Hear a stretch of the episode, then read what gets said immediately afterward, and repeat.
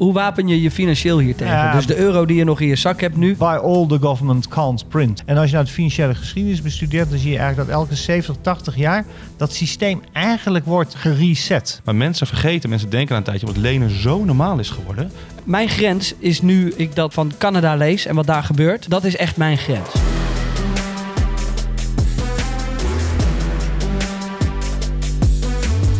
Weer een, eh, een nieuwe Day One podcast vanuit Zuid-Afrika, Cape Town. Dag nummer 4. Het houdt niet op, hè? Het houdt niet op.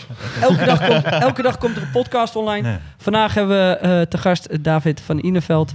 Ja, en de man die bijna geen introductie meer nodig heeft. Willem, gezegd dat je er weer bent. Ja, en ik ben heel blij dat ik David deze week heb ontmoet. Want Ja. eh, we hebben heel veel raakvlakken. En, Ja. wij kunnen uren praten, heb ik het gevoel. Ja. Ja, wat zijn, wat zijn jullie raakvlakken? Ja. Ja, het sowieso is het, eh, het eerste boek wat ik ooit heb gekocht over, over eigenlijk de economie, was het boek van, van Willem, Als de dollar valt. En Willem Middelkoop. dan- En, en dan, als iemand dat al zegt, dan, dan, dan ja, in de financiële wereld, dan gaat er bijna een schok door je lichaam, omdat iedereen die boeken heeft Ja, gelezen. maar het is zo Ja. leuk om te horen als mensen zeggen: ja, maar het begon ermee dat ik dat boek las of zo. Ja. Dat geldt ook voor een hoop politici. Hè? Eh, ik ken, nou, zelfs Mark Rutte belde me op een gegeven moment op. Ik ken hem helemaal niet. Wi- Willem, hallo, met Mark. Mark Rutte. En, eh, ik heb een boek gelezen, hoe moet ik een lunchen? Ik zeg, nee, goed Mark, leuk.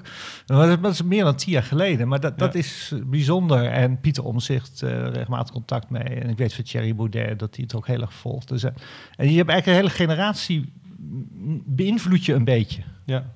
En Dat is Ja, heel ik vond leuk. het mooi. En dan Ja. ontmoet je elkaar voor het eerst eh, in de lounge op, eh, hè, op Ja. Schiphol. Ja. Ja, en dat is Ja. gewoon leuk. En eigenlijk sindsdien, dat is leuk dat je dan een soort van natuurlijke klik hebt. Tenminste, dat idee heb Ja. je dan. Ik ook. En dan begin je, begin je te praten. En dan is het wel leuk als je, ja, je hebt raakvlakken. Je hebt, eh, we komen wel allebei uit een andere generatie. Maar je kunt over heel veel dingen denken, elkaar challengen. Ja, maar Ja, ik ben nog mooi. jong van geest, hè, dus eh, Ja, Ja. ja. ik hou jullie bij. Ja, houd ons dat- bij. dat hebben we gezien vijf uur s'nachts zit jij hier nog en dan lig ik al te ronken hoor, helemaal naar de ratten. Ik, ik denk dat de mensen niet weten, maar we noemen hem eh, DJ Willem. Want die, Het is echt. Mr. Michael, hij zegt, ken jij die muziek? Vind je dat leuk? Ik zeg, nou, ik draai het. en 's ochtends vroeg gewoon fris, hè? Ja, fruitig. Hij Ja. is niet bij te benen. Het is echt, je kan er een raket op afvuren. Het maakt Ongelooflijk. helemaal niks uit. Ja. Ja, wat een Alleen wodka drinken, hè? dat is mijn geheim. Nou, nooit een ik, kater. ik, ik heb je gisteren witte, rode wijn, vodka. Ik heb je alles, alles zien drinken. Ja, hij wil dus gewoon eindigen met de vodka. Dat is het. Ja, dat is, dat is het mooie. Maar eh, Willem Middelkoop, Ja. dat is, je, je bent zelf een, een, een- ja, een, een grootheid eh, in de financiële wereld. Ehm, Nou, alleen in Nederland hoor. ja, ja, tegenwoordig ook internationaal, als ik een beetje je Twitter mag geloven. Eh, leuk om allemaal eh veren in je reet te steken. Maar er komt natuurlijk een hele nieuwe generatie aan. Ik ben iemand die eh, jouw boeken eh, nog niet heeft gelezen. Dat ga ik wel doen. Er ligt er eentje hier op tafel. Gratis te downloaden, hè, mensen. Dus niet om publiciteit te maken, maar de Big Reset. Download, zoek het. Ik denk dat je er hoop aan hebt voor je toekomst. Ja, want ik beschreef dat in het begin. Oh, Er zijn een hoop mensen hier die toch diep in die financiële wereld zitten. Ook een paar die eh, er minder diep in zitten. Maar iedereen eh, die mijn leeftijd of iets ouder is, heeft wel de boeken gelezen. Eh, en er gaat dan echt een soort van, van shock door de mensen heen als ze bij. Zo van, wauw, zit het zo. Wauw, Want op ja. school krijg je het niet te horen. En Nee. bewust, bewust. Je, daar vraagt niemand zich af. Hè. Wie bepaalt er nou wat je op school wel of niet in de lesstof... Hè, wat je, Dit, wat dit vind ik wel krijgt? eens iets heel leuks. Hè. Is, ehm, ik, ik had vroeger al discussies met de economieleraar. Die had over eh, efficiënte markten, Ja, et cetera. en ik dacht onzin. al van, dat, dat, dat klopt helemaal niet. En nu, pas een paar jaar geleden, Ja. heb ik me gerealiseerd... waarom over het algemeen economiedocenten arm zijn. En op het moment dat je erachter komt dat markten niet efficiënt is... dat er dan een wereld voor je open gaat. En dat inderdaad, dat krijg je niet mee op school... maar wel zodra je gewoon zelf hè, je eigen literatuur gaat lezen. Ik heb een en, eh, prachtig voorbeeld. Hoe de als mensen zeggen, ik heb economie gestudeerd, nou, dan, dan, dan zijn ze eigenlijk al verloren. Ik Ja, heb veel liever ja. dat ze geschiedenis hebben gestudeerd. Want dan begrijpen ze heb je vaak. nog een vrije geest? Ja, maar dan begrijpen ze ook boom en bust en zo. Weet je. Dat, dat- maar En daar, in de geschiedenis geldt natuurlijk ook best wel een onderwerp. Dus daar leren ze Ja. waarschijnlijk ook al, Ja. al een hoop van. Maar even terug naar dat voorbeeld. Ik gaf een lezing in eh, Groningen voor een eh, beleggersvereniging. Komt er aan het eind een jongen naar me toe. Eh 20 jaar of zo, blonde jongen. En die zegt, ja, ik ben student economie, tweedejaars. Wil je bij ons eh, op de faculteit ook een, eh, een, een lezing komen geven? Hij zegt, alleen onder één voorwaarde, hè, je mag het niet over goud hebben. Dat- tweedejaars economie gaat mij vertellen dat ik het niet over goud mag hebben.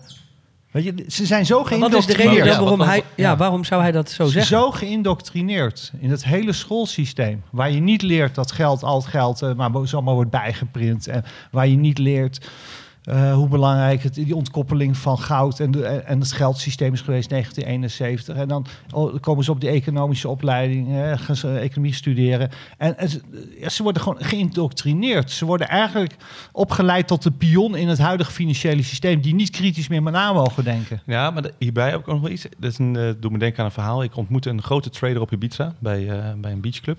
En die man die vertelde na een tijdje van... je moet je voorstellen, David... er is een hele generatie die nu hoge functies krijgt... binnen hè, de financiële wereld... die nog nooit een hoge rente heeft Nee, meegemaakt. we hebben alleen maar altijd, rente. hè, altijd rente. lage rente. Er wordt Ja. gesupport vanuit de overheden. Die, deze generatie weet niet beter. Er zijn mensen die gaan nu richting eh, nou, mijn leeftijd... Hè, 35 eh, tot 40. Nou, dus ik, hè, zelf ben ik 36. Eigenlijk, ik heb het zelf ook niet in mijn volwassen tijd meegemaakt. En ik weet het Nee, eigenlijk maar ik heb alleen wel de verhalen van mijn ouders gehoord. Ja, Ja, en dat, dat, heeft wel, dat, eh, dat heeft bij mij wel eh, een, de oogkleppen echt verwijderd. ja. Want als je dan hoort dat zij nog eh 12% moesten betalen Ja. over hun 100.000 gulden. En dat ze daar absoluut eh, heel veel moeite mee hadden. ja. ehm, dan ga je wel nadenken over hoe kan dat? Dat ze ten eerste toen nog 100.000 gulden voor een huis betaalden. Maar twee, dat er ook 12% rente was. Ja. Ik heb het ook meegemaakt. 91, mijn eerste appartement, 110.000 gulden aan Osdorpplein. Ook een rente van 10, 11 procent. Ja. Weet je trouwens, is- ik las ergens dat toen de inflatie vorige keer zo hoog stond als het nu stond, toen stond de rente volgens mij op 11,5 procent. Ja. Ja, en nu hebben we hè, nul Nu, en, nu en praten we of je, of je een kwartje of een half procent Ja. misschien verhoogd gaat Ja. worden. En of, of de wereld dat aankomt. En we Ja. steunen het nog. Hè? We, we hebben nog 100 steeds opkoopbeleid. Dat heb ik, heb ik Ja. met mijn hypotheek, mijn nieuwe hypotheek, ging ik echt kijken of op twee Ja. tiende. Ja. Ook omdat Ja. het de bedragen veel ma- vele malen hoger zijn Ja. natuurlijk. Maar ja, ja. op twee tiende. Oh ja, ik heb hem nu op, eh, op eh, 1,6. Maar- maar- Aha, ik heb hem op 1,3. Ik heb hem Ja. zelfs onder Ja. de 1. Toen dacht ik, wow. Af en toe moet Ik ik gewoon uitzoomen. Hè? We hebben Ja. het over. Maar terug op wat, eh, de, die financiële educatie. eh, want op lagere school krijgen we allemaal een beetje over economie. eh, middelbare school nog iets meer. Ehm, maar het is nu voor iedereen echt van levensbelang om je te verdiepen. Ja, de, de, We zitten bij de HEMA. We zitten bij de HEMA. Kassa 2. We zitten gewoon een steek hier. Kan iemand naar kassa Er 2? moeten gewoon mensen naar binnen. Ja. Ehm, nee, maar het is nu van levensbelang voor de jonge generatie. Ja, eh, jouw gemiddelde doelgroep is 1835? of zo? 1835, ja. Ja. Nee, maar het is echt van levensbelang. Ook al interesseert je niet, ook al lees je nooit boeken, vind je het saai. Ga alleen maar naar YouTube eh, om bijvoorbeeld video's te luisteren met mensen zoals, hè, zoals wij. Maar je moet je een beetje gaan verdiepen in wat er in het financiële systeem gebeurt. Want het- is zo gek. Eh, en als je niet, niet, voor, als je niet zelf erin gaat in- eh, interesseren en Ja. niet zelf een aantal stappen gaat zetten, dan ben je toch aan de haaien overgeleverd. Ja, niemand doet het voor je. Ik heb, eh, we hebben het natuurlijk net even over het feit dat je klaar moet stomen omdat er eventueel wel wat gaat gebeuren. Maar dat het in ieder geval heel verstandig is om ehm, Het is aan het gebeuren. ja, financieel te weten eh, wat je gaat doen. En in ieder geval je ontkoppelt van hetgene wat al het geld bijdrukt en waar je geen eh, macht over hebt. Ehm, en daarom heb ik even deze erbij gepakt, omdat dit echt recent is natuurlijk. De Canadese premier Justin Trudeau grijpt terug op een speciale, nog nooit gebruikte noodwet om meer te kunnen doen tegen de hardnekkige truckerprotesten. Intussen meldt de Canadese minister van Financiën dat banken vanaf nu de bankrekeningen van demonstranten kunnen bevriezen. Ja, waanzin. Ja, daar gaan, ik daar gaan de haren op je eerst. armen van Ja. eh, omhoog staan, toch? Ja, Ja. In theorie wisten we dat dit natuurlijk kon gebeuren. En, maar, en, en ik denk dat wij ons, wij hebben het hier al over gehad. Hè. We hebben hier al vaak de- bepaalde keuzes maken omdat we weten dat dit mogelijk is. Maar dat Maar we ik zie het jullie echt allebei toegepast. Zie ik jullie naar Ja. beneden kijken en denken: dit is Ah. misschien wel het begin van het einde. Dat is gewoon staatsterreur. Hè? Ja. Want, want Canada is toch Maar in is mijn gewoon- ogen een open en vrij land. Ja, ik, ik, ik twitter vaak over dit soort dingen. En dan zet ik achter hashtag but China of but Russia. Want we hebben Ja. het altijd, we wijzen altijd naar Rusland en China. Dat ze daar dit soort dingen doen. We hebben het over gewoon truckers die protesteren tegen de coronamaatregelen. En dan gaan ze een soort, dan maken ze een soort domestic terrorist van. Ze hebben eerst geprobeerd te framen tot extreem rechts. Er heeft een cartoon in een Canadese krant gestaan. En was die kolonne van truckers, die was afgebeeld dat dat een kolonne van nazi, eh, nazi's was die de stad Ja, binnenkwam. daarvoor nog een fringe minority, hè? een Ja. hele kleine minderheid. Ja. En er staan gewoon nonnen langs de kant van de weg om ze te supporten. Hè? En dan Ja. noem, je ze, dan noem je het een stelletje gekken. En die Trudeau, die is gewoon... Nou, maar we hebben het hier gezien in Nederland met Hugo de Jonge. Ja. Weet je, hij is gelukkig op een half zijspoor nu gezet. Eh, en een woning, een mooi dossier. Dat, dat gaat wel goed komen, jongens. nee, maar het is zo eng wat er aan het gebeuren is. En Maar wat maakt dit zo eng? nou, omdat het... Ik noem het altijd... ik, ik waarschuw er al heel lang voor en ik noem het staatskapitalisme.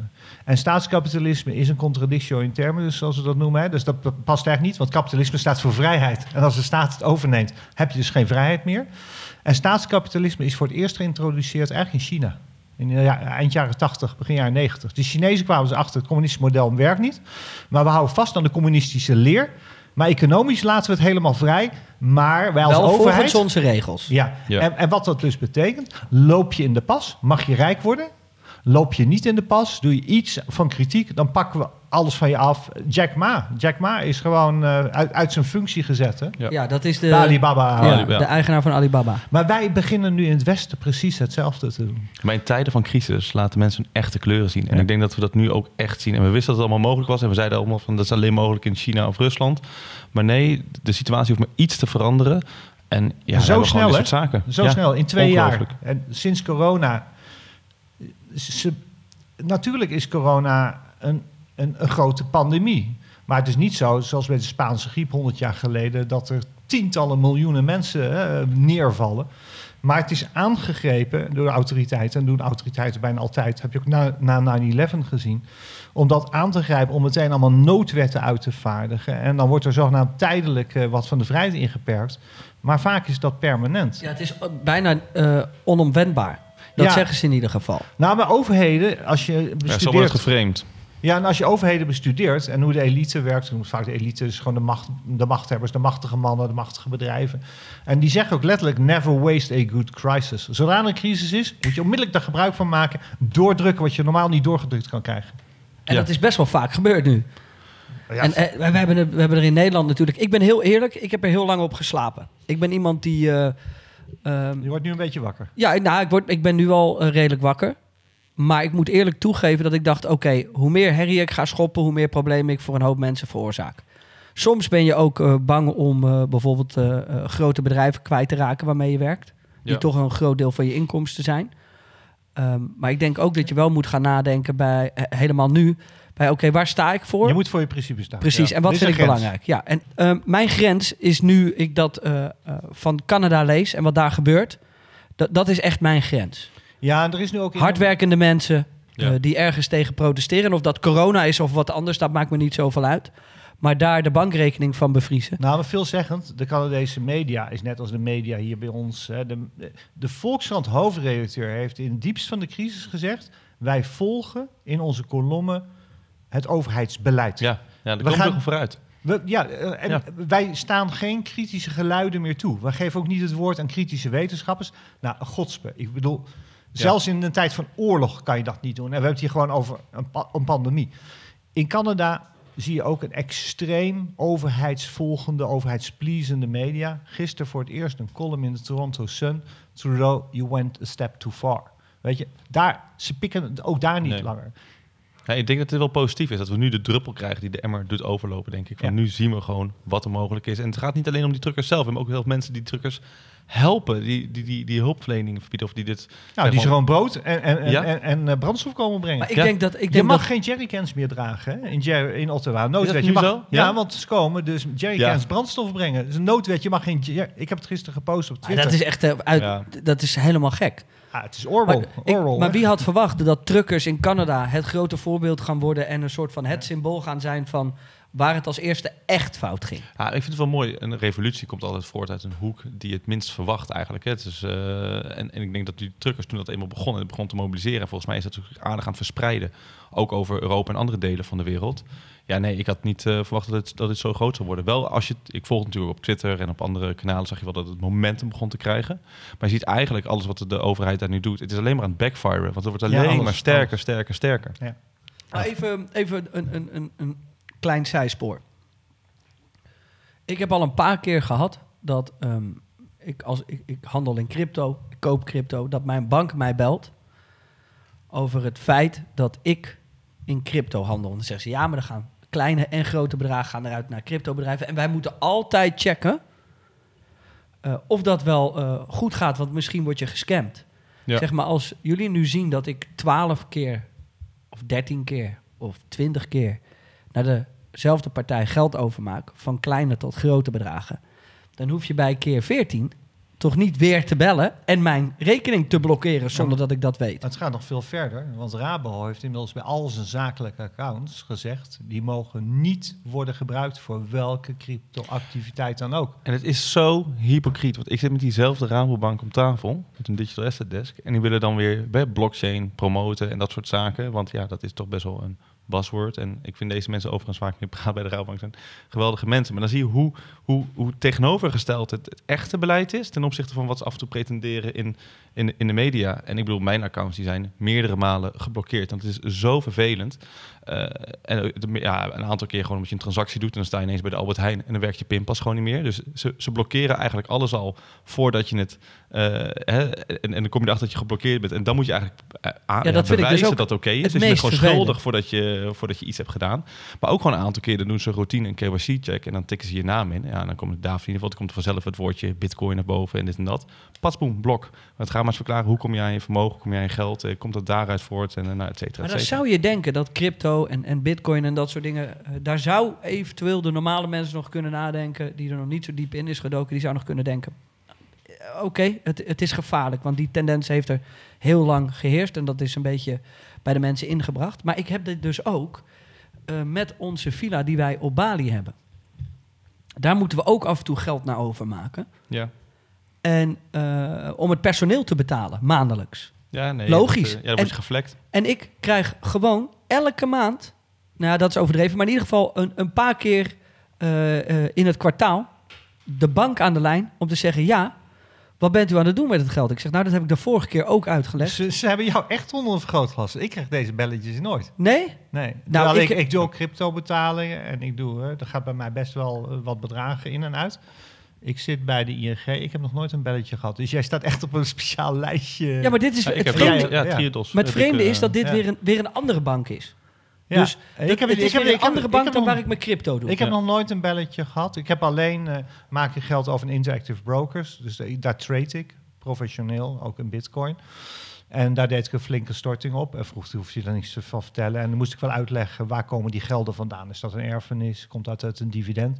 En dan goed, als je dat dan invult, dan is het ook oké. Maar, Maar- overal wordt het aangescherpt. Ja, oké, maar dat is, dat is een storting. En ook Ja. terughalen uit je systeem? Nee, ook geen probleem mee gehad. Nee. Dus wat dat betreft ben ik wel echt verbaasd. Eh, maar ik vind het mooi, dit soort gesprekken. Want daardoor leer ik ook weer een hele hoop. Ik ben eigenlijk wel benieuwd wat het verschil is. Nou ja, het zijn verschillende banken bij mij. En eh, het, het, het- Je hebt een slechte naam, jongen. Nou ja, Nee. ik ben ook wel iemand, ik ben ook wel iemand, daar ben ik eerlijk in, dat als ze me eenmaal hebben gebeld over dit soort dingen, of, of ze hebben het zomaar afgesloten zonder iets eh, te vertellen, dan ben ik heel vurig. Ja. Dus ik denk dat ze me dan ook gewoon nog een paar keer terugpakken Ja, ja, voor het feit dat ik gewoon het is heel een beetje als je bij de belasting eenmaal in beeld bent en ze doen eenmaal onderzoek, hè, dan blijven ze maar komen. Is het eenmaal afgerond, dan hoor je ook tien jaar niks meer in 15 jaar. Jij staat nu op een toeslagenlijstje, zeg maar. Maar wat, wat meer, wat ik denk ik Die interessant denken, vind... die denken 's ochtends bij het ontbijt, of dan komen ze met z'n allen bij de koffiezetapparaat, Wie gaat komen ze binnen. vandaag weer En dan kijken ze elkaar zo aan en dan denken ze, oké, wie gaat JJ Boske vandaag bellen? Want we hebben zin om hem weer lekker, eh ja, of ze lekker te naar video. Dan mogen ze een video van jou niet. Dan kunnen ze twee dingen doen. Of ze geven je een dislike, Ja. of ze gaan je gewoon... Dislikes zijn. Ja. uitgezet bij YouTube. Want Ja, Biden. Biden had op een gegeven moment zoveel dislikes. Ze hebben hem uitgezet. Ja, maar je ziet het uiteindelijk wel volgens mij in. Dan zijn er gewoon minder likes, toch? Nee, ja, wordt ja. volgens mij... eh, Nee, ik heb laatst Nee? gecheckt. Bij video's staan alleen nog dan bijvoorbeeld 3K duimpje omhoog. En duimpje naar beneden staat gewoon niks. Nee dat, klopt, nee, dat klopt. Maar stel je had zeg maar 6k duimpjes omhoog en je had 3k duimpjes naar beneden, zie je alleen maar het, het, het, Oh, het het nette verschil. verschil. Oh, ja, net het tenminste, verschil. volgens Oké. mij is dat... Ja, eh, Maar Ik het is, weet te het niet zeker, maar- het is te bizar voor woorden. Dat is ook weer een voorbeeld. En dat, dat, dit is nou niet... Ja, dit is een, ook, dat hoort bij dat staatskapitalisme. En wat er nu dus gebeurt, is dat je allemaal grote bedrijven hebt gekregen, met name de techreuzen. En die zijn ooit begonnen als een soort alternatieve media. Hè. Eh, Kijk, Apple, eh, Apple allemaal, Twitter was natuurlijk ook niet een overheidsapparaat. Maar die zijn allemaal zo groot geworden. Er zijn allemaal grote jongens in de raad van bestuur gekomen. En die lopen nu gewoon aan de overheidshand mee. En, en die doen er alles aan om de overheid eigenlijk te pleasen. En als dan Biden te veel dislikes krijgt, nou, dan zetten ze die functie uit. Terwijl dat is Ja. toch helemaal niet hun functie. Ze zijn de media. Ze Ja. moeten laten zien wat er in dat land leeft. Maar heel even terug over, over de, al dat toezicht vanuit banken. Heel lang is het eigenlijk niet echt een probleem geweest. En als je iets van, nou, dan eh, laat je zien waar het vandaan komt en dan krijg je weer... Dat is eigenlijk meer vervelend gewoon. Hè? Af en toe moet je gewoon laten zien waar het vandaan Ja, komt. want ik, da- en dat is het wel. Er is nog nooit geweest dat ik, als ik het, niet, als ik het heb uitgelegd, dat ze daarna nog moeilijk gaan doen. Ja, Het is altijd wel, oké, we Ja. snappen het, we wouden het heel even checken. En meestal heel vriendelijk. Totdat ik niet zo vriendelijk ben. En dan zeggen ze, nou meneer Boske, eh, dit is de derde keer dat we u aan de lijn hebben. Misschien kunt u iets minder scherp reageren. Ja. En daar geef ik ze dan ook gelijk in. Maar uiteindelijk is het altijd vriendelijk en het wordt altijd opgelost. Maar de angst voor het feit dat ik niet straks misschien mijn boodschappen niet kan doen... of het broodje frikandel of eh, mijn vriendin niet mee uit eten kan nemen die dag... omdat alles geblokkeerd is, dat vind ik niet zo heel erg. Want dat begrijp ik wel. Je moet ook toch tot op een zekere hoogte wel kunnen verantwoorden waar geld vandaan komt. Want er gebeurt ook een hoop mee waarvan je denkt: oké, het zou maar een keer fout gaan dat ik wat overmaak. Of dat ik geskimd word en dan Ja. zijn ze er ook. Dus Ja. dat Nee. zie ik wel. Maar wat nou als ik alle salarissen moet overmaken? Wat nou als ik mensen moet betalen die van mij afhankelijk zijn? Dan wordt het dus heel vervelend. Maar En- weet je, je moet hier ook blij mee zijn in zekere zin. Want dat is, ik vergelijk dingen vaak met de jaren 30. Hè, en ik wil niet te dramatisch maken. Maar er waren natuurlijk een hele hoop mensen die opeens in 1940 dachten van shit, we zitten in de val, hè, de deur zit dicht. En ik heb vrij veel gelezen over de aanloop naar de Tweede Wereldoorlog. En eigenlijk is dat echt opgebouwd al in de jaren twintig. En de hyperinflatie van de Weimar. En toen kwamen de, die nazi-partijen en het werd steeds onrustiger. En eh, wa- waar ik naartoe wil, is je moet dit zien als warning signs. Ik heb voor mezelf bewust nu een tweede basis opgebouwd in Zwitserland. Ik weet, dat kan niet iedereen doen, maar ik heb gewoon een huisje gehuurd. Ik heb helemaal niks duurs gekocht. Ik heb gewoon een huisje gehuurd. Ik ben in Zwitserland geboren, een plek waar ik graag zit. Ik heb een auto gekocht, een Zwitserse auto met een Zwitsers kenteken. Ik ben dan niet voor de rest geregistreerd, ben niet fiscaal gevlucht. Maar ik heb nou een basis buiten Nederland. En in de coronatijd is dat heel goed bevallen. En ik wil nu een derde basis hebben in Dubai. Dan ben ik buiten de EU, ben ik buiten Schengen. Want het zijn warning signs dat de overheid bezig is je simpele burgerrechten, eh, eh, vrijheden, op een drastische manier in te perken. En als ze dit doen, kunnen ze ook heel andere dingen gaan doen. Ja, maar dat is precies eigenlijk al die jaren wat jij net ook aangeeft. eh, het is vervelend, maar je komt er allemaal nog wel uit. Maar als je dan tegen mensen vertelt van ja, maar stel de situatie verandert en ze kunnen ineens gewoon al je bankrekeningen bevriezen omdat zij dat willen. Dan was dan je of een complotdenker of eh, je bent, eh, je bent te, te negatief, hè, te zwaardenkend. En nu, dat is, ja, het is, het is heel eh wrang. Maar dat je dat nu ziet, dat gewoon, er hoeft maar iets te gebeuren. En de, de overheid die framet het op een bepaalde manier. En normale burgers worden in één keer weggezet als een soort van domestic terrorist. Waardoor je zeg maar de, de assets kunnen worden bevrozen, eh, bevroren. Dan kun je gewoon letterlijk zien hoe snel deze, ja, deze mogelijkheden worden ingezet om, om dit soort dingen te doen. Nou, en ik denk dat dat hopelijk mensen heel erg bewust maakt van het feit om te kijken ook van ja, hoe afhankelijk ben ik hiervan? En zijn er ook methodes om Juist. minder afhankelijk te zijn van dit systeem. En wat dat betreft is dit een zo'n bijzondere tijd. Hè. We hebben natuurlijk veel uiteraard hier over goud en over bitcoin en over onafhankelijkheid. En precies wat Maar je zegt. zorg er- dat je altijd een plan B hebt. Hè? Ja, maar Zorg- kijk- of ja. plan C. Maar wat ik, Ja. wat ik dus het, eh, het enge vind, is, is eh, corona. Dat, daar, daar snapte ik het bij, omdat het een, een, een ziekte is waar mensen ook dood aan gaan. Dus daar kan je tot op een zekere hoogte kan je daar eh, mee leven, de, de, de beperkingen die we hadden. Ja, zeker. Want ik, eh, ik vind het heel belangrijk dat ook de oudere mensen, en, en zelfs als je niet zo fit bent, ehm, dan vind ik gewoon dat, je, dat we daarmee op moeten passen. En, en daar moeten we voor zorgen, want we zijn een maatschappij en ik hoop dat we graag voor elkaar blijven zorgen. Maar als je kijkt naar wat er nu in Canada gebeurt, en dan moet je heel even, het, denk ik, het corona-gedeelte eraf halen waarom ze protesteren. Maar ze protesteren. En daarom worden die beperkingen opgelegd en worden eh, de blokkades van jouw rekeningen eh, in werking gebracht. Of hun eh, rekeningen Maar in het, werking het gebracht. protest wordt gewoon te groot. En Ja, je mag en- protesteren zolang het maar binnen de boundaries blijft. Precies, Maar- en dat maar- heeft niks meer met corona te maken voor mijn ja, gevoel. maar daar wil ik graag een level hoger gaan. Want wat blijkt, die QR-pas werd opeens heel snel ingevoerd in alle Europese landen. Op zich al raar, want je weet als een overheid een nieuw project moet gaan verzinnen, dan duurt het minimaal 10, 15 jaar voordat ze iets kunnen gaan uitrollen. En wat blijkt, en Arno Wellens heeft daar goed onderzoek naar gedaan, de hele architectuur Ja, en structuur van een QR-pas. Dat is al in 2014, 2017, 2019 besproken bij de EU. Er zijn al besluiten over genomen. Ze wachten alleen op een pandemie of een andere crisis om het in te voeren. Ja. En, wat en dat is veel zorgelijker. Nou, wat ik vooral ook zo. Er wordt nu ook een soort van status, een, een soort van status quo gemaakt. Dat je weet gewoon dat bij een volgende pandemie of iets dergelijks. dan is het in één keer normaal en wordt het heel snel ingevoerd. Dat vond ik ook Ja. fascinerend. Met in 2008 was het eigenlijk voor het eerst dat overheden ingrepen in de vrije markt. en letterlijk banken gingen uitkopen. hè Mhm. Too big to fail. En, en toen is de basis gelegd. Toen werd het een soort van normaal. En nu bij deze crisis gingen we ervan uit dat de overheid al direct zou ingrijpen. Kun je nagaan hoe snel een, een samenleving leert. KLM sterker. kreeg direct een, een lening en dat gaat ook bij dit gebeuren. Dus, dus overheden na de coronacrash van maart 2020 hebben de autoriteiten, de centrale banken, drie keer meer geld uit het niets gecreëerd dan na de Lehman crash Ja. in 2009, toen het hele systeem implodeerde. En er is nu drie keer zoveel geld gecreëerd over dezelfde tijdsperiode. Heb je het over duizenden miljarden dollars per jaar. En ja, dat heeft die inflatiegolf Ja. in gang gezet. Ja, want de, hoe de wapenen- inflatie is tijdelijk, weet je, maak je geen zorgen. Maar hoe wapenen we ons hier tegen? Hoe, hoe, hoe wapen je je financieel hier tegen? Ja, dus de euro die je nog in je zak hebt nu, By all, the als een government, euro. by all the government can't print. En dat roep ik al tien jaar. Ik koop alles wat de overheid niet bij kan drukken. En of dat nou huizen zijn hier in Cape Town of ergens anders. Eh, Bitcoin kan de overheid niet bijdrukken. Zelfs aandelen van bedrijven kan de overheid niet bijdrukken. Want ik ben een student van de monetaire geschiedenis. Ik heb veel crisisperiodes bestudeerd. Met name periodes van hoge inflatie en hyperinflatie. En elke keer zie je bij hyperinflatie dat de economie stort in. Maar de beurs blijft hoog, omdat mensen vluchten met hun spaargeld, kopen ze desnoods liever aandelen. Venezuela, de grootste financiële en economische crisis uit de recente geschiedenis. Beurs op een recordniveau. Ja, wat, wat ik wel Ja. even belangrijk vind om te zeggen, ook voor mezelf, is: ik, ik ben hier niet om het coronabeleid af te zeiken. Ik ben hier Nee. niet om, om te zeiken over eh, wat er allemaal in de coronaperiode is gebeurd. Ik ben hier om te bekijken hoe we onszelf het beste kunnen bewapenen tegen een crisis. Ja. En die zit eraan te komen. Maar ik wil wel even kijken wat, je, wat Willem natuurlijk zegt. En dus, kijk, je moet wel in een bepaalde bevoorrechte positie zitten om dit soort zaken te kunnen doen. En Ja. wat heel erg lastig is, is je ziet altijd in tijden van inflatie of in tijden van economische onzekerheid zijn het juist de eh, lagere kringen van de samenleving. En dat bedoel ik niet op, op een negatieve manier, maar die, die worden het hardst geraakt. En als je dan gaat nadenken over hoe zou ik eh, in een dergelijke situatie omgaan, dan denk ik dat het heel erg goed is om kritisch na te denken van hoe afhankelijk ben ik van bepaalde zaken. En ik denk dat het bijvoorbeeld eh, schulden en dat soort zaken, omdat je dat kunt afbouwen, waardoor je eh, ja, ruimte en flexibiliteit creëert, eigenlijk je vaste lasten naar beneden brengt. Ja, je zult echt een soort van overlevingsmodus moeten krijgen om deze tijd goed door te komen en met zo min mogelijk schulden uit te moeten komen. Maar het is echt heel erg dat gewoon, ik denk dat de wealth gap alleen maar groter wordt.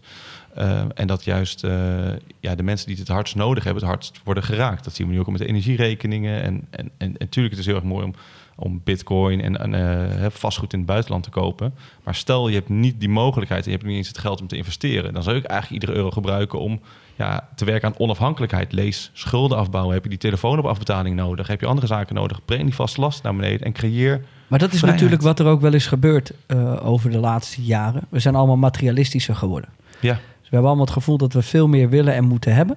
Waardoor we ons steeds dieper in de schulden gaan steken.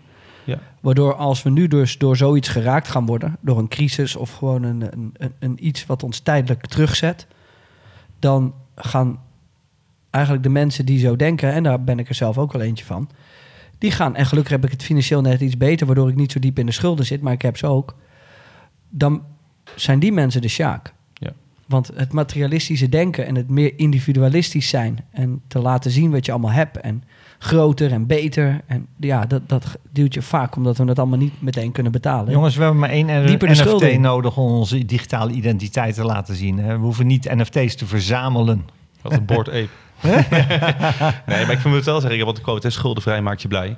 En dat is wel iets. En ik snap ook wel dat, dat je huis, eh, misschien eh, sommige schuld is eh, noodzakelijk eh, in bepaalde eh Ja, over hypotheek moet je niet inzitten. Dat is een probleem voor het systeem. Exact, en Ja. je moet ook ergens in wonen. En da- daar, weet je, maar de balans is af en toe wel zoeken. Hè. Tegenwoordig is zoveel, bijna alles is lease. En dat komt ook door die lage rente. Het is ook een, een overheid. Het is eigenlijk een monetair beleid wat voor, voor heel veel schulden Een zorgt. studie, hè? studiefinanciering. Kinderen vinden het normaal. Je pakt gewoon 10, 15 miljoen Ja, maar, per jaar. maar, maar wat je hoort en dan een tijdje zeggen ze... ja, maar eh, 50.000 euro studieschuld, wat maakt het nou uit? Uh, Ja. Ik heb het overigens uh, ook gehad. Um, maar stel je wilt naar het buitenland, zoals, uh, zoals ik wilde... en je wilt echt weg naar het buitenland... dan staat er nog een rekening open. Hè? Die, die moet wel worden vereffend. Want je gaat echt niet Ja, zomaar uh, Ja. weg als bewoner... terwijl er nog een, een, een, schuld staat. En Maar ze dan hebben wordt het toch- in één keer zichtbaar hoe afhankelijk je Ze hadden toch ook beloofd dat het uh, nooit zou tegenwerken als je een hypotheek zou willen. Ja, En ja, nu? natuurlijk telt het mee. En ineens... eh, Ja. En binnenkort volgens mij zelfs ook leasebetalingen. Volgens mij wordt dat ook meegenomen in de...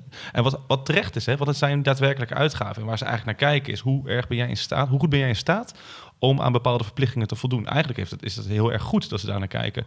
Maar mensen vergeten, mensen denken aan een tijdje, omdat lenen zo normaal is geworden. En waar we het net al over hadden, we hebben een hele generatie die gewoon niet beter weten dat de rente laag staat en dat lenen heel erg goedkoop is en dat het vaak heel erg veel sens maakt. Dat we eigenlijk helemaal niet nadenken over wat zijn nou de echte consequenties. Hoe beperkt het mijn vrijheid? Hoe beperkt het mijn onafhankelijkheid ten opzichte eh, in, in tijden van crisis, waarbij dus flexibiliteit en een, een vrije denkgeest denk ik heel erg belangrijk is. En in Amerika is het natuurlijk met al die creditcards en, en alles erop en eraan helemaal uit de hand gelopen. Nou, Ja. Daar betalen mensen een rente op een creditcard van 15 tot 17 procent. Hè? Ja. Terwijl de creditcardmaatschappijen zelf tegen 0 procent kunnen lenen bij de centrale bank.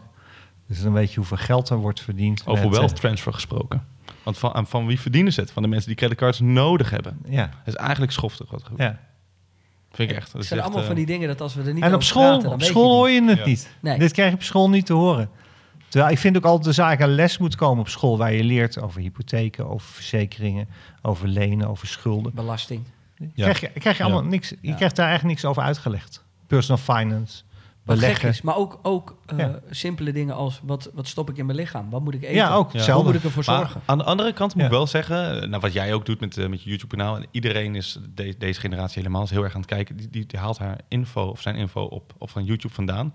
Toch zie je dus dat de, de samenleving zelf naar andere alternatieve eh, ja, leerstof gaat zoeken. Ja. Dus alternatieve media ook. is dat hè? wel weer een beetje de vrije markt. Hè? Mensen Ja. gaan wel van, Ja. ik heb hier behoefte aan, ik ga hier naar kijken. En ja, ik, ik vind dat mooi. Ik sprak ook volgens mij eh, jouw fotograaf, vind ik gewoon een mooi verhaal. Die heeft, heeft, Marijn. Marijn, ja, Ja. die maakt geweldige foto's. Prachtig mooi. En vroeg hij, hoe heb je gedaan? Ja, ik ben gewoon drie jaar geleden gewoon begonnen met fotografie. Kijkt een beetje, leest wat dingetjes hier, doet wat dingetjes daar. Dat is toch, ja, dat vind ik echt zo mooi. En dat, ik bedoel, dat is ook zelf eh, hoe ik zelf met, eh, met Bitcoin ben begonnen. Ik bedoel, tuurlijk had ik een, heb ik een achtergrond in de financiële wereld. En ik, ik ben, ja, ik, ik hou van de Ja, we economie. Maar dan nog, je moet het wel zelf, eh, ja, je moet, Ja. je moet het wel zelf gaan uitzoeken. En als je het niet Ja. zelf doet, ja, eh, zeker in eh 2013 en eh 2013 tot 2015, ja, we kwamen ook niet echt verder dan, eh, dan Bitcoin Talk of eh, een paar obscure papers. Ja, dan moet je toch een beetje zelf gaan ontdekken. Ja, en ik denk dat, dat dat zie je nu wel heel erg naar voren komen. Ik denk dat heel veel mensen best wel zelfstandig Maar zijn. wat, wat trok jou toen zo in Bitcoin? Wat trekt jullie zo in Bitcoin? Want eh, heb, jullie zijn waarschijnlijk wat vroeger begonnen dan ik. Ik heb er wel over nagedacht. Maar als betaalmiddel geloofde ik er nooit in. En zo werd het als toen ik het leerde kennen wel gepusht. Toen dacht ik, ja, dat, dat gaat het voor mij niet worden. Dat geloof ik niet. Ik heb het toen ook niet gezien als store of value. Waarin ik, Ik nu, wel. nu wel geloof. Ja. Ik heb in 2014 in de Big Reset geschreven. Helaas alleen in de Nederlandse editie. Die kwam uit na de. Ik heb het geschreven in het Engels. Het de Nederlandse editie kwam gelijk daarna uit. In 2014 staat letterlijk dat eh, nu eh, centrale banken alleen maar kunnen doorgaan met het creëren van steeds meer geld. Het heel, eh, of te verwachten is dat steeds meer beleggers gaan vluchten naar alles wat de overheid niet bij kan drukken. Standaard term die ik vaak gebruik. Inclusief het digitale goud bitcoin. Ja. Dus het was voor mij zo duidelijk dat. Ik, ben, ik, ben, ik was al heel lang die mindset dat ik heel erg naar alternatieve assets kijk. En het was voor mij wel duidelijk dat Bitcoin, door de manier waarop het was gebouwd, inderdaad als betaalmiddel vond ik het nauwelijks interessant. Maar om, door die 21 miljoen eenheden had het dus een schaarste, een ingebouwde schaarste. En ik verwachtte dat steeds mensen naartoe zouden gaan. Ik was alleen zo dom het zelf niet te doen. Want ik dacht, ik, heb goud, ik heb al goud. Moet je je voorstellen, je adviseert het. Dus jij hebt een boek geschreven over Bitcoin en had geen Bitcoin gekocht. Waanzin. Heb, ik, heb ik in 2018 hersteld. Op de bodem, eh, rond de 5000 dollar ben ik serieus gaan kopen. Want we hadden weer zo'n mooie drawdown van 80% gehad. En toen heb ik gezegd, ik ga nu 5 tot 10% van mijn vermogen in bitcoin steken. En, en dat geeft ook heel mooi... Hoeveel je is dat bent, ondertussen nu? Hoeveel procent? Eh, nog steeds 5 tot 10 procent. Maar mijn vermogen is vrij sterk gegroeid de afgelopen jaren, omdat ons fonds het heel goed is gaan doen. Ehm, maar ehm, het, het geeft ook goed aan dat je nooit moet denken, het is nu al te laat. Nee. Ja. Want ik denk, vanaf dit punt gaan we weer 10x doen. Geen garantie, maar ik denk wel dat het gaat gebeuren. Ja, en, nee, het hoeft geen garantie te zijn, maar als jij dat gelooft, dan moet je daar vooral op die manier instappen. Ja, Dat heb ik dus ik, ook. Ik ook bij, ja. rond deze Maar ik moet zeggen, voor mij was het in 2000, tussen 2013 en 2015, ik had sowieso ook wel tijd eh, omarmen. Ik eh, was toen net naar, eh, naar Ibiza gegaan en, en dan ga je verdiepen in, in dit soort dingen. Voor mij was heel erg dat sinds 2008, de manier waarop we dat hebben opgelost, daar stond ik gewoon niet achter. En ik moet wel zeggen, ik dacht dat we... De crisis. Ja, hoe we eigenlijk een schuldencrisis hebben opgelost door nog meer schulden te maken, door eh, bedrijven uit te kopen, fundamenteel niks te veranderen. En eigenlijk, in mijn optiek, was het gewoon geen enkele geen enkel land of politieke beweging durfde die gifbeker te drinken. En we dachten dan, weet je wat, als we nu gewoon maar meer bijprinten en bijlenen, dan verzachten we de pijn. En daar zijn we eigenlijk nooit mee gestopt. En ik dacht, ja, dit gaat gewoon voor problemen leiden. En nou ben ik best wel ook heel erg idealistisch. En toen kom, je in contact met, met Bitcoin. En zeker die early community, die, was, die had dat zelf ook. Hè. Soms ook wel een beetje anti-establishment. Maar ook in ieder geval echte vrijheidsdenkers, onafhankelijke denkers. En dat, dat trok me gewoon. Ik moet zeggen wel, het heeft me heel erg verbaasd dat die crisis zo lang is uitgebleven. En ik dacht toen ook eigenlijk in maart 2020, toen dacht ik oprecht, dit is de druppel. En ik stond versteld hoe, de, hoe snel de centrale banken die geldkraan weer aanzetten en hoe snel die markten opveerden. Maar ik denk wel als It's, je nu... it's the best recovery uh, money can buy. Ongelooflijk. maar ik denk wel nu met die inflatie die niet controleerbaar is in mijn optiek... en alle Klopt. politieke spanningen en de fundamenten van de economie... die zijn geërodeerd door de jaren heen, die zijn uitgehold. We zijn eigenlijk gewoon leverage long gegaan op de centrale banken de afgelopen jaren. Ik denk dat dat, Dat is wel een heel erg technische term. Hè? Wat is Ja, leverage sorry. long, voor de zekerheid? Ja, leverage... Je neemt een positie in, in de verwachting dat het gaat stijgen... en je le- leent er, leent er extra geld bij om die positie Ja. groter te maken. Maar het stijgt niet. Ja, dat, dat deed het wel de afgelopen jaren totdat het een keertje ophoudt. Maar je ziet nu de centrale bank zag met een rug tegen de muur. Ze kunnen de rente niet meer verlagen, want die zaten op nul. Ze hebben nog steeds opkoopbeleid lopen. Maar ja, wat, wat moet je nou doen? Maar dat, dat wordt een, dat maar wordt een heel hier, technisch hè, verhaal. even kijken, er zitten, eh Marijn heeft gestudeerd, studeert volgens mij nog steeds, dat is onze fotograaf. Dario heeft gestudeerd, die moet nog een maandje volgens mij. Eh, Jasper, flinke studieschuld toch? Ja? Hm. Hoeveel ongeveer? 20, 30.000 euro. En Ja. dat zijn normale bedragen, hè? dus het is Ja. helemaal niet... Hm. Ja, probeer daar niks persoonlijk mee te zeggen, ik zelf ook. Ehm, Thijs heeft volgens mij ook ergens in de 40.000 euro aan schuld. Hoe gaan deze jongens, en ik heb mazzel dat ik er nu uit ben, omdat ik wat ouder ben. Ik heb tien jaar al afgelost. Ehm, maar hoe, hoe gaan deze jongens nu, eh, nu een beetje hun toekomst tegemoet? Ja. Wat moeten ze doen, mannen? De ondertitel van eh, de Big Reset is The War on Gold en the Financial Endgame. En in Financial Endgame, ik leg in het boek uit, er moeten een aantal dingen gebeuren in dit systeem. Wat, wat, wat bedoel ik nou met een reset? Een monetaire reset. Nou, we kennen het allemaal van de techniek als het vastloopt. Hè, dan herstart je het. En dan gaat eigenlijk alle programma's gaan weer opnieuw laden. En dan maak je eigenlijk een verse start. Hè, de kastje wordt gelegd en zo.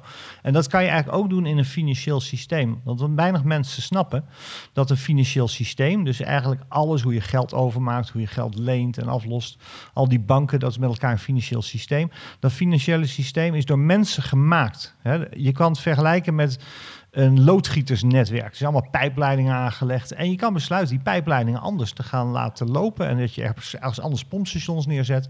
En als je nou de financiële geschiedenis bestudeert, dan zie je eigenlijk dat elke 70, 80 jaar dat systeem eigenlijk wordt her, eh. Er gebeurt iets. Einde Tweede Wereldoorlog. Er werd een conferentie georganiseerd in Bretton Woods in Amerika. Amerika kwam, met een voorstel. We stappen af van de goudstandaard. We gaan naar een dollarstandaard. Daar moest iedereen over vergaderen. Iedereen heeft mee ingestemd. Buiten China en Rusland. En dan gaan we dat doen. Dus we kunnen dat systeem. We kunnen met z'n allen afspreken dat systeem te veranderen. En wat we dan gaan doen, we zoeken een opvolger van de dollar, wat nu de, de wereldreservemunt is, het anker van het financiële systeem. We gaan schuldsaneringen doorvoeren. In Amerika zijn ze al bezig met de studieschulden, om die gewoon weg te strepen. Gaat bij jullie denk ik uiteindelijk ook gebeuren. En dan moet zoiets komen als een dollar-devaluatie of een revaluatie van goud. Dat is een beetje technisch, hoeven we het nu niet over te hebben. Maar het systeem kan je dus resetten. En dat is de hoopvolle boodschap. Ik denk niet dat we ten onder gaan. Ik denk niet dat we eindigen in hyperinflatie. Want de mensen die dit systeem eigenlijk hebben opgeblazen... weten, weten dit soort dingen ook. En weten ook welke noodgrepen ze uit Want het kunnen is, halen. toch, het is toch eigenlijk eh, eh, gek dat er zoveel geld wordt bijgedrukt. Waar, en dat komt nergens vandaan. Dat is niet Nee. gebackt door bijvoorbeeld goud. Het wordt niet eens gedrukt. Hè? Het wordt in de Nee, computer ja. Ingetypt, en dan verstaat, ontstaat het op de balans. Het metaversum bijna. Maar, Ja, ja, ja, maar- inderdaad. Nee, maar heel even als je... Wacht even, David, maar het, het, is toch, het is toch gek dat, dat, je, dat ze dat kunnen doen? Dus ze typen die bedragen in een computer en dan komt het erbij. Maar de studieschulden van eh, de studenten, die kunnen ze niet zomaar Jawel, kwijt. Ja, jawel, wel. jawel. Want Ja, maar dat doen ze niet. Nee, maar ja, op een bepaald punt wel. Ja. Op een bepaald punt wel. Ik zeg altijd, laat mij de kamer zien waar de schuldenberg ligt. Waar liggen dus... Als je wil zien waar de goudstaven ligt van de Nederlandse Bank, daar is er een kamer voor, of een kluis. Maar laat mij de kamer zien waar de schuldenberg ligt. De schulden bestaan alleen op de balans. Ja. In zekere zin zijn schulden eigenlijk inderdaad, het is bijna, eh, ja, Mickey Mouse geld. ja, Ja, dus, dat bedoel ik. maar dat betekent dat je ze op de balans met één streep weg kan halen. Moet je alleen aan de andere kant van de balans ook even de bezittingen wegstrepen. En die liggen bij de pensioenfondsen bijvoorbeeld. Ja, en bij de, bij de overheid met staatsobligaties. Op zich, dat is Ja. wel het goede van de centrale banken. Maar ik denk wel dat je dan een, een soort van vertrouwenscrisis krijgt eh, op dat moment. Nee, maar het kan. Het, kan. het is kan in het zeker. verleden veel vaker gebeurd. zeker. Ik denk ook dat het gaat gebeuren. Ik ben je eens. Hoor. Als de druk maar hoog genoeg wordt opgevoerd, dan zullen ze uiteindelijk. Dan is dit volgens mij de enige uitweg. Dat je gewoon aan beide kanten van de balans ga je Ja. strepen. Ja. En dan, eh dan En, dan, je het. en je moet afspreken wie gaat de pijn nemen. En dat zijn met name de pensioenfondsen. Ja. Maar wat ga je dan doen? Dan ga je alle pensioenfondsen in Nederland Ja. nationaliseren. Moet toch gebeuren uiteindelijk een keer. En dan gaan we over naar een, eh, ja, een, een nieuwe fase in het systeem. Maar heel even nog. Dit klinkt echt hè, voor, voor een hoop mensen die dit luisteren, die denken: waar ben ik naar aan het luisteren? Want als ik mezelf hier niet zo in had verdiept, de laatste jaren, en als ik hier eh, niet met jullie had gezeten, waardoor je de hele dag goede gesprekken eh, met iedereen hebt. En niet zomaar met mensen, maar mensen vanuit alle hoeken, met allerlei soorten ideeën. Vaak de een anders dan de ander. Maar ze zijn het allemaal over één iets eens. En dat is dat dit eh, echt aan de hand is. En dan ga je op een gegeven moment denken: holy shit, Ja. Dit, dit, is, dit is echt. En dit is, hoe, hoe ga ik mezelf hier tegen wapenen? Maar dan kom je denk ik op het volgende Zonder dat je jezelf een gekkie voelt. Ja, dat, maar eh, zoals wat, wat Willem net vertelt, ik denk dat dat gaat gebeuren. Maar dat ligt bijvoorbeeld, eh, je had het net over, over Jasper en Dario en Marijn. Dat ligt allemaal buiten, oh, trouwens bij mij, dat ligt buiten, ons, eh, buiten onze macht. Daar hebben wij geen invloed op. Ik denk dat het gaat gebeuren, maar je hebt er zelf geen invloed op. Nou, toen we het net hadden over hoe ga je nou wapenen in deze tijd. Ik denk dus wat je zelf kunt doen is je schulden afbouwen. Maar voor dit soort jongens, ik denk dat deze jongens het vrij goed gaan doen. Omdat tijden van inflatie, wat Juist. zie je nou? Heel veel eh, geld wordt min, is minder waard geworden. Maar ik denk ook dat vaardigheden en skills, eh, we zijn minder kritisch geworden. Hè. In tijden, er is zoveel krapte op de markt. Dus we nemen iedereen aan, ook de slechte mensen.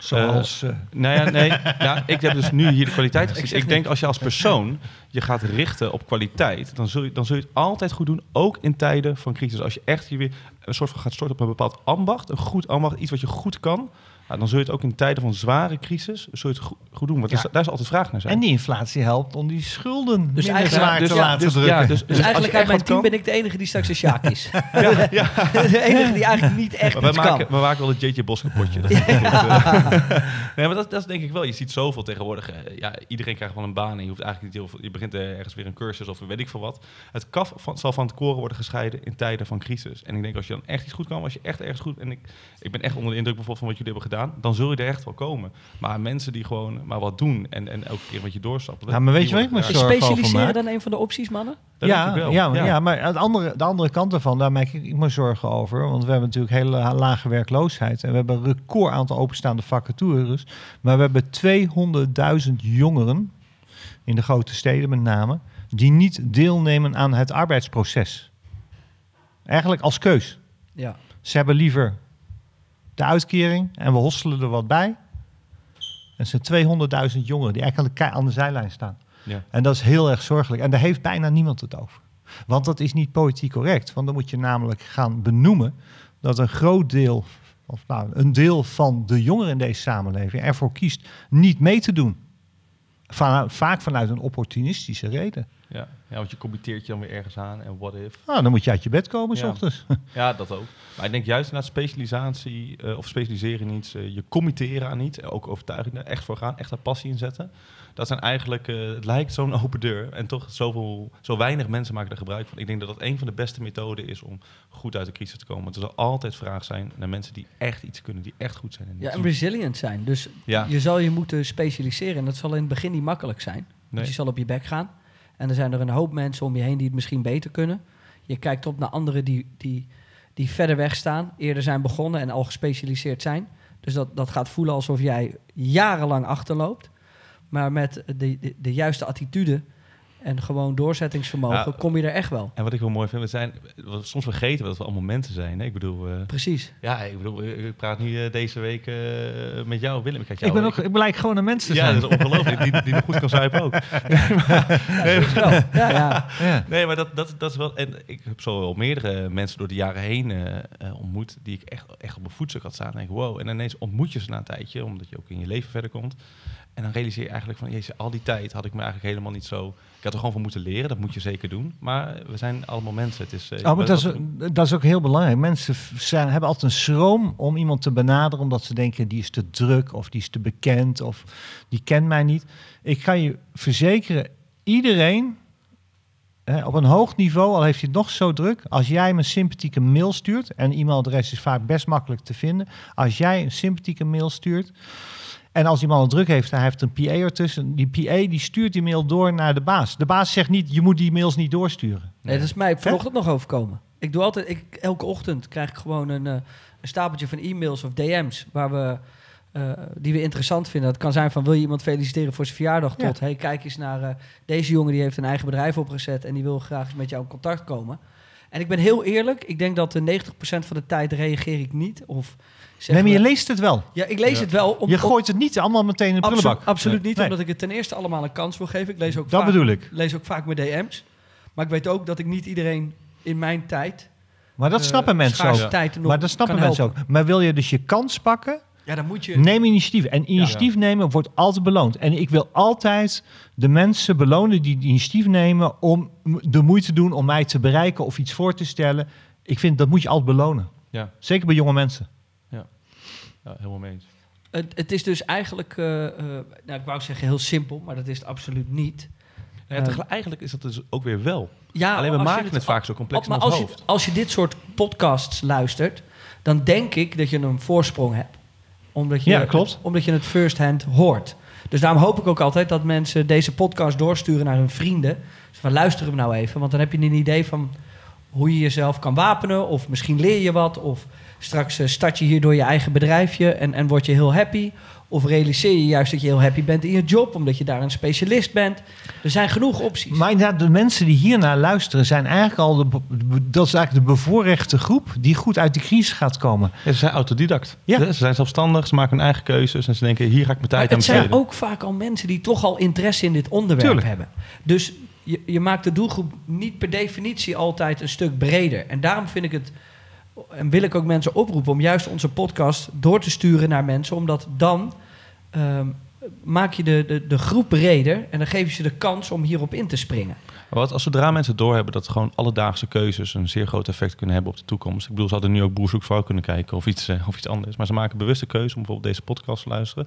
Dat zegt al heel erg veel. En, en ik heb altijd een, eh, een eh, uitspraak, consistency, consistency compounds. Hè. Dus als je consistent bepaalde keuzes maakt in je leven, dat zal zich compounden door de tijd heen. Dat zal een exponentiële groei laten zien. Dit soort keuzes, als je eigenlijk keer op keer een bepaalde keuze doet om jezelf te verdiepen in een bepaald eh, onderwerp of jezelf te ontwikkelen, dan zal dat compounden door de tijd heen en zul je die groei ook meemaken. Ja, we zitten hier niet met een stel pipo's. Dat heb ik dan ook. Dat ik denk, oké, we zitten hier niet met een, met een stel pipo's die gewoon maar hun mening verkondigen. Nou, Maar Marleen, mensen die vuur- Marleen heeft een heel mooie groep samengebracht deze week. Ja. En dat geldt echt voor iedereen rond de tafel, inclusief eh, mensen die techniek doen. En ik vind een hele, hele bijzondere spirit hier. En er zijn geen grote ego's en zo. En iedereen eh, ja, probeert anderen te laten delen, mee te delen in de kennis. Dat vind ik trouwens ook heel leuk. Ja. Ik had het dus van tevoren was ik heel erg benieuwd van hoe zou de vibe zijn onder de mensen zelf. Hè? Ik kom Ja. met een, aantal persoonlijkheden kom je in aanraking, maar het is echt heel erg gelijkwaardig. Eh, Ja. Leuke, leuke discussies, open, eigenlijk geen onvertogen. Maar dat, dat komt omdat we allemaal overtuigd zijn van wat, welke boodschap we willen brengen. Maar ook over wat we, wat we zelf doen in ons werk. Dus Nou, ik denk in zekere zin, eh, los van de generaties, zijn we eigenlijk allemaal met hetzelfde bezig. We zijn op zoek naar deze wereld beter te begrijpen, te doorgronden. En wat ik ook heel erg zie in, in dit soort communities, dat geldt voor mij, ik heb met Marleen ook die gesprekken gehad. Kijk, we willen allemaal goed geld verdienen. En dat kunnen we ook allemaal, want we zijn over het algemeen best slimme mensen. Maar we willen geld verdienen op, op een nette, eerlijke manier. En we willen dat geld gebruiken om het leven gewoon goed beter te maken. Dat betekent niet grotere huizen te kopen of grotere boten te kopen. Dit is niet, dit is niet de Monaco-cultuur. Nee. Weet je, er heeft hier niemand een grote boot. nee. En er gaat ook niemand ooit een grote boot kopen. Maar we gebruiken het om wel gezellig met z'n allen in Cape Town te gaan zitten. Een goed leven te hebben. Maar we werken allemaal keihard. Hey, Willem, jij hebt zoons, toch? Ja, twee Ja. zoons. Hoe oud Eentje, zijn die? eentje appen nou. Ik heb dezelfde pet op Ah, als JJ. ja, dit is mijn lievelingspet. ja, van hem ook. Maar Dus, wat, wat, eh, w- hoe oud zijn ze? eh, eh, twin- eh, 18 naar 21 bijna. Wat vertel je hun? Ehm, ik heb bewust ze niet willen belasten toen ze jong waren met van dat systeem gaat naar de kloot en al die doemverhalen. Dus ze wisten eigenlijk niet zo goed wat ik nou deed. Mijn oudste zoon die is eh, nu aan het studeren, die is redelijk slim. En die heeft ook toch wel ehm, heel makkelijk, ehm, ja, hij heeft het wel talent dat hij aanvoelt wat er aan het gebeuren is. Hij heeft dus de materie waar wij het over hebben, nu kan hij zo over meepraten. Ehm, hij kiest heel erg zijn eigen, richting. Hij doet eh, psychobiologie, dus heel erg bezig met techniek van de hersenen, maar ook AI. En eh, ja, hij beseft heel goed, hij is met crypto bezig. Die gaan straks allemaal met elkaar verbonden zijn. Ja, nou, maar dat, ik, ik, eh, ik kwam hier natuurlijk mensen van Start Bootcamp tegen, waar ik zelf ook bij betrokken ben al tien jaar. En ik heb eigenlijk eh, voorgesteld dat eh, mijn zoon Moos eh, daar een eh, op AI gebaseerd project gaat doen om hun te helpen. En nou ja, zo werken natuurlijk netwerken heel mooi. Dat vind ik het mooi ook van hier zijn. Maar dat, dat stipt trouwens ook wel aan dat kinderen van bevoorrechte mensen hebben natuurlijk altijd een, sta- een, een Stapje een stapje voor. Hè? Ja. Omdat ze altijd in dat netwerk worden geschoven. Ja, en toch, hè, ik heb hier Ja? laatst een keer een leuk gesprek over met eh, een aantal van mijn compagnons. En toen eh, vroeg van, wanneer, heb je nou, eh, wanneer ben je nou succesvol voor, voor je kinderen? Is dat nou eh, het vermogen wat je achterlaat of, eh, of noem maar op? En dan krijg je heel erg vaak krijg je te horen van, nou, ik wil dat ze inderdaad eh, een goede opleiding hebben of eh, dat ze, weet ik, in ieder geval wat geld hebben. En toen realiseerde ik me voor mezelf dat voor mij is het, er komt een moment dat ik deze wereld zal verlaten hè, en dat ik dan eh, met twee dochters eh, achterblijven. En op het moment dat ik doodga, heb ik eigenlijk het gevoel hebben dat ik weet dat ten alle tijden, wat er ook zal gebeuren, of dan een economische crisis of moeilijkheden in het leven of noem maar op, dat ik weet, deze twee die zullen boven komen drijven. Die zullen, die zullen de, de Maar hoe doe je dat dan? Nou, niet te veel geld geven. en zeker niet als ze jong zijn. Exact. En, en, maar ook gewoon proberen die mindset te creëren van... Hè, probeer probeer eh, onafhankelijk te denken. Probeer in oplossingen te denken. eh, niet te negatief. Eh, het, is, ja, het, het klinkt allemaal zo, zo, zo abstract. Maar in, in de praktijk betekent dat...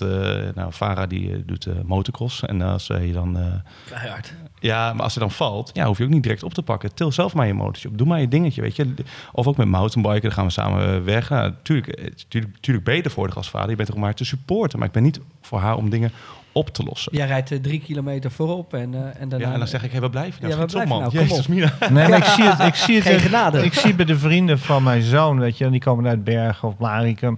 En wat die vanuit huis meekrijgen. En de Moncler jassen en de Gannon de Goose jassen. Ja. En, en weet je, wij kunnen het allemaal betalen. Ik heb nog nooit dat gedaan. Eh, en, en hij, als hij iets, echt iets nodig heeft, dan vraagt hij het beleefd en dan krijgt hij het ook. Maar je kan kinderen zo verpesten door te veel Weet je wat geld een leuke truc daarbij ook is? Tenminste, ik heb hem zelf nog niet, eh, maar hij is op mijn kindje toegepast. Eh, dan wilde je zus en zo. En dan eh, zei de man zo, weet je wat, we geven het je niet, maar we geven je gewoon het bedrag. En dan mag je zelf bepalen hoe je het ja. gaat doen. Nou, Nee, dan ga je in één keer je- creatief nadenken. Dus Ja, in plaats van dat je twee jassen krijgt van, Ja. je wilt dit en dit en dan samen 400 euro. Wat ik zeg even wat. Zeg ze, weet je wat, je krijgt 400 euro. Mag je zelf weet je wat je mee doet. Nou, dan ging je niks En dan raak je in jassen paniek. worden. En dan eh, ging je dat... Ja, naar nou, de koffieshop. 100 euro in mijn. Ja. Ouders deden psychologisch anders bij mij. Ik, ik deed als kind altijd iedereen een soort van napraten. En toen zei mijn oom ooit een keertje lul. En toen ben ik natuurlijk eh, drie dagen lang het hele huis doorgelopen. En het enige wat je dan alleen maar hoorde was lul, lul. De hele tijd, maar ook overal waar mijn ouders heen gingen. En toen kwam mijn moeder eh, kwam op een gegeven moment naar boven. En die zei dit tegen mij. Die zei, Jay, ja, je mag lekker zoveel lul zeggen als je wil. Maar wat je echt niet mag zeggen, is pollepel. En dan keek ik eraan zo en deed ik zo. Pollepel. En zijn moeder, nou dat kan echt niet, niet doen Jay. Pollepel. En dan was het gewoon drie dagen lang pollepel. en, en zo had ze dat dan opgelost. En dat vond ik allemaal van die psychologische Ja, spelletjes ja. waarvan ik dacht... Aha, oké, als kind ben je daar zo gevoelig voor. Maar daar begint het natuurlijk wel. Ja, ja, ja. zeker. Jij zal een geweldige vader worden. Nou, ik hoop het ooit. Ik, ik heb daar wel, ik ben, en dat is misschien denk ik een soort volgende fase. Daarom vroeg ik jullie eh, deze vraag ook. Als vaders moet je daar natuurlijk wel over nadenken. Ehm, ik ben nog geen vader, maar ik hoop het ooit wel te worden. En hoe ga ik hier dan mee om? Wat ga je doen? Hoe, hoe voed je je kinderen op? En, en Nou, vals dat ze zelfstandig Ja. zijn. Maar in deze zelfstandig wereld- denken. met alles waar wij het over hebben. Nou, kritisch denken, laten zien Ja. dat er niet, hè, dat niet de ene waarheid die gepropageerd wordt als de ene waarheid, hebben we vanmiddag bij de lunch over gehad. Er worden nu instituties opgericht die gaan bepalen wat de waarheid is. Een soort Ja. ministry of truth. Maar ook niet alleen of het vandaag 16,8 graden is, daar kunnen we het over eens zijn. Dan kijken we gewoon op de barometer. Maar om te bepalen of oh, de aarde over 30 jaar 2 graden of 2,5 graden is opgewarmd, dat kan niemand eh, een echt hard besluit overnemen. Maar dat gaat wel hard, hard worden vastgelegd. En iemand die, die zegt, die aarde is maar eh, over 30 jaar een halve graad opgewarmd. Dat wordt, heet straks fake news. Dat mag je niet meer zeggen. Dan word je gewoon van Twitter Ja, afgegooid. met alle, ja, alle consequenties eh, die eraan gekoppeld zijn. en, en dat moet je je kinderen laten zien. Dat, dat, eh, je moet die kinderen die andere kant ook laten zien. Ja, maar ook laat ze durven daarvoor uit te komen. Precies wat jij net ook aangaf eh, van mij in het begin eh, van de podcast over. Als je gewoon, dit is toch wel de druppel, hè, of dat ik, dat ik me er kritisch over ga uitspreken. Dat, dat heeft gewoon, er zijn gewoon bepaalde barrières in jezelf waar je, waar je doorheen komt. En dat heeft te maken, dat kan, dat kunnen financiële prikkels zijn, kunnen zakelijke prikkels zijn. Maar dat kan ook te maken hebben met zelfvertrouwen, dat soort zaken. Ja, en, dat is, en dat, dat is ook wat ik belangrijk vind. En daarom vind ik het ook goed om te zeggen dat ik... ik, ik, ik de hele corona heb ik eh, eh, heel goed meegeleefd. Omdat ik eh, mezelf ook vaak een soort van ehm, ehm, hypocriet vond. Ik heb jarenlang gerugbied. Ik heb mijn lichaam verwoest. Met, met heel hard tegen veel grotere gasten aanlopen. Eh, met hersenschuddingen door te spelen, met gebroken armen door te spelen. En dan ging ik mij druk maken om die paar prikken die ik in mijn lichaam zou krijgen. Ja, ja. Eh, ja. Verklaart wel een hoop trouwens. Ja, nu. ja, ja, ja, ja. Het, het maakt het allemaal een stukje makkelijker te begrijpen. Maar ik dacht dan bij mezelf, ja, ik heb, me- ik heb, ik heb in het ziekenhuis gelegen, heb ik dingen in me gepompt gekregen Ja, ja. waarvan ik dacht, Nee, dat kan nooit goed zijn. gaat dat ene vaccin. Dan gaat het ene vaccin me ook echt niet uitmaken. Nee, dus ik heb dat- me daar natuurlijk Nee, een stukje maar wij zijn, wat, wij zijn wat beter met onze lijf. Nee, maar dat Nee. geldt natuurlijk ook heel veel andere mensen die gewoon eh, ieder weekend drugs gebruiken. Weet je, die van alles eh, gaat erin en dan is het ineens... Ja, eh, maar, dus iedereen vindt ergens zijn eigen drempel waarvan hij of zij zegt, oké, tot hier en maar niet wat, verder. wat ze hier in Zuid-Afrika doen, en dat vind ik echt heel erg. Er wordt vaak gescholden op dit soort landen en hoe de regering werkt en hoe het functioneert. Hier is gewoon een president die heeft gezegd: iedereen kan gevaccineerd worden. We adviseren het ook. Maar als je het niet wil, gaan we je niet dwingen. Want de Ja. persoonlijke vrijheid is in het hè, Dat is een groot goed. En nog een heel mooi voorbeeld. Ik had om die lange vliegreis eh, door te komen. En dan koop ik echt zo'n makkelijk boekje wat ik even lees. Het ging over de Heineken-ontvoerders. heb ik het vliegtuig zitten lezen. De Heineken-ontvoerders die werden verdacht van een flink aantal overvallen en schietpartijen daarvoor. Zijn ze nooit voor veroordeeld. Toen wilde het Openbaar Ministerie röntgenfoto's nemen van de Heineken-ontvoerders. Want er zouden nog twee kogels in hun lichaam zitten. Dat mocht toen niet van de rechter, omdat de lichamelijke integriteit een grondrecht is. Ja. De Heineken-ontvoerders mochten niet onder een röntgenfotocamera worden gezet. En nu word je verplicht eigenlijk om alle vaccinaties te nemen en boosters te nemen. En hier in Zuid-Afrika doen ze er niet aan mee. Dus de vrijheid hier is groter dan in Nederland. Nou, Ja. dat vind ik ernstig. Ah, er komt een moment dat we dat eh, gaan inzien. En ik denk dat dat misschien nog wel sneller komt dan dat we misschien nu denken. Maar, en misschien zijn die ontwikkelingen die we nu zien in Canada daar wel een, eh, een kantelpunt in. Ja, nou, het zijn kritische tijden. Ja. We gaan het zien, we gaan het eh, er- nog meer over hebben. Ik denk dat we eh, weer een fijne podcast hebben opgenomen. Ik kijk altijd naar de jongens hier. Hey, wat een goede stem heeft David Ja, trouwens. ja, ja. Ja, nooit- ja. jij- jij David, is, zou David is nieuw professioneel- financieel talent. Even een, eh, even een eh, zwoele, zwoele Nee, stem. maar jij, zou- jij zou professioneel radioman kunnen zijn. Nou ja, het is wel heel makkelijk. Jullie praten beide eh, heel fijn en heel makkelijk. En ik denk, ik kijk ook echt, dan kijk naar Jasper Dario en eh, Marijn wat minder. Maar die zie ik zelfs af en toe ja schudden. Van oké, we hebben weer een podcast die, eh, die heel fijn is. Want het is natuurlijk wel even, het is iets wat je moet behappen. Je moet er wel even voor gaan zitten. Dus of je dit luistert in de auto of in je bed of wherever je dat doet. Het is wel even eh taaie Ja. materie. Ja, maar het is mooie van podcast tegenwoordig. Vroeger had je een hoop van die dode momenten waar je niks mee deed. Al loop je maar langs het strand of zo. En je kan de, al die momenten gebruiken om gewoon lekker eh, te luisteren naar dingen die Ja. je interesseren. En, dan- en dan leer je dus ook nog eens wat. Ja. En, en je mag uit deze podcast alles pakken wat je zelf wil. Ja. Het kost nu nog niks. maar we moeten ooit nog een keertje met dit soort dingen ook wat centen gaan verdienen. Want het kost een hoop. Nee, we- dat, dat komt helemaal goed. Ehm, mannen, dank jullie wel. Nou, jij bedankt Ja, dat je hier met zeker. de hele ploeg naartoe bent gekomen. Want ik ben onder de indruk wat jullie hier technisch realiseren met een kleine crew en beperkte middelen. Maar, eh, er we mag doen wel ons eens best. gezegd worden. Ja, nou, dankjewel daarvoor. Ehm, dank jullie wel voor het luisteren. Dit was eh, de Day One podcast. Delen met je vrienden. Ehm, er is tegenwoordig ook een knop waarin je de podcast vijf sterren zou kunnen geven. Ik laat die optie open. Daar kies je zelf voor of niet. Ehm, maar ga er even een kijkje nemen. Alles is te volgen op Instagram, at DayOneLifestyle. Er zijn nog meer podcasts. Ga het allemaal even checken. Dank jullie wel voor het luisteren en tot de volgende.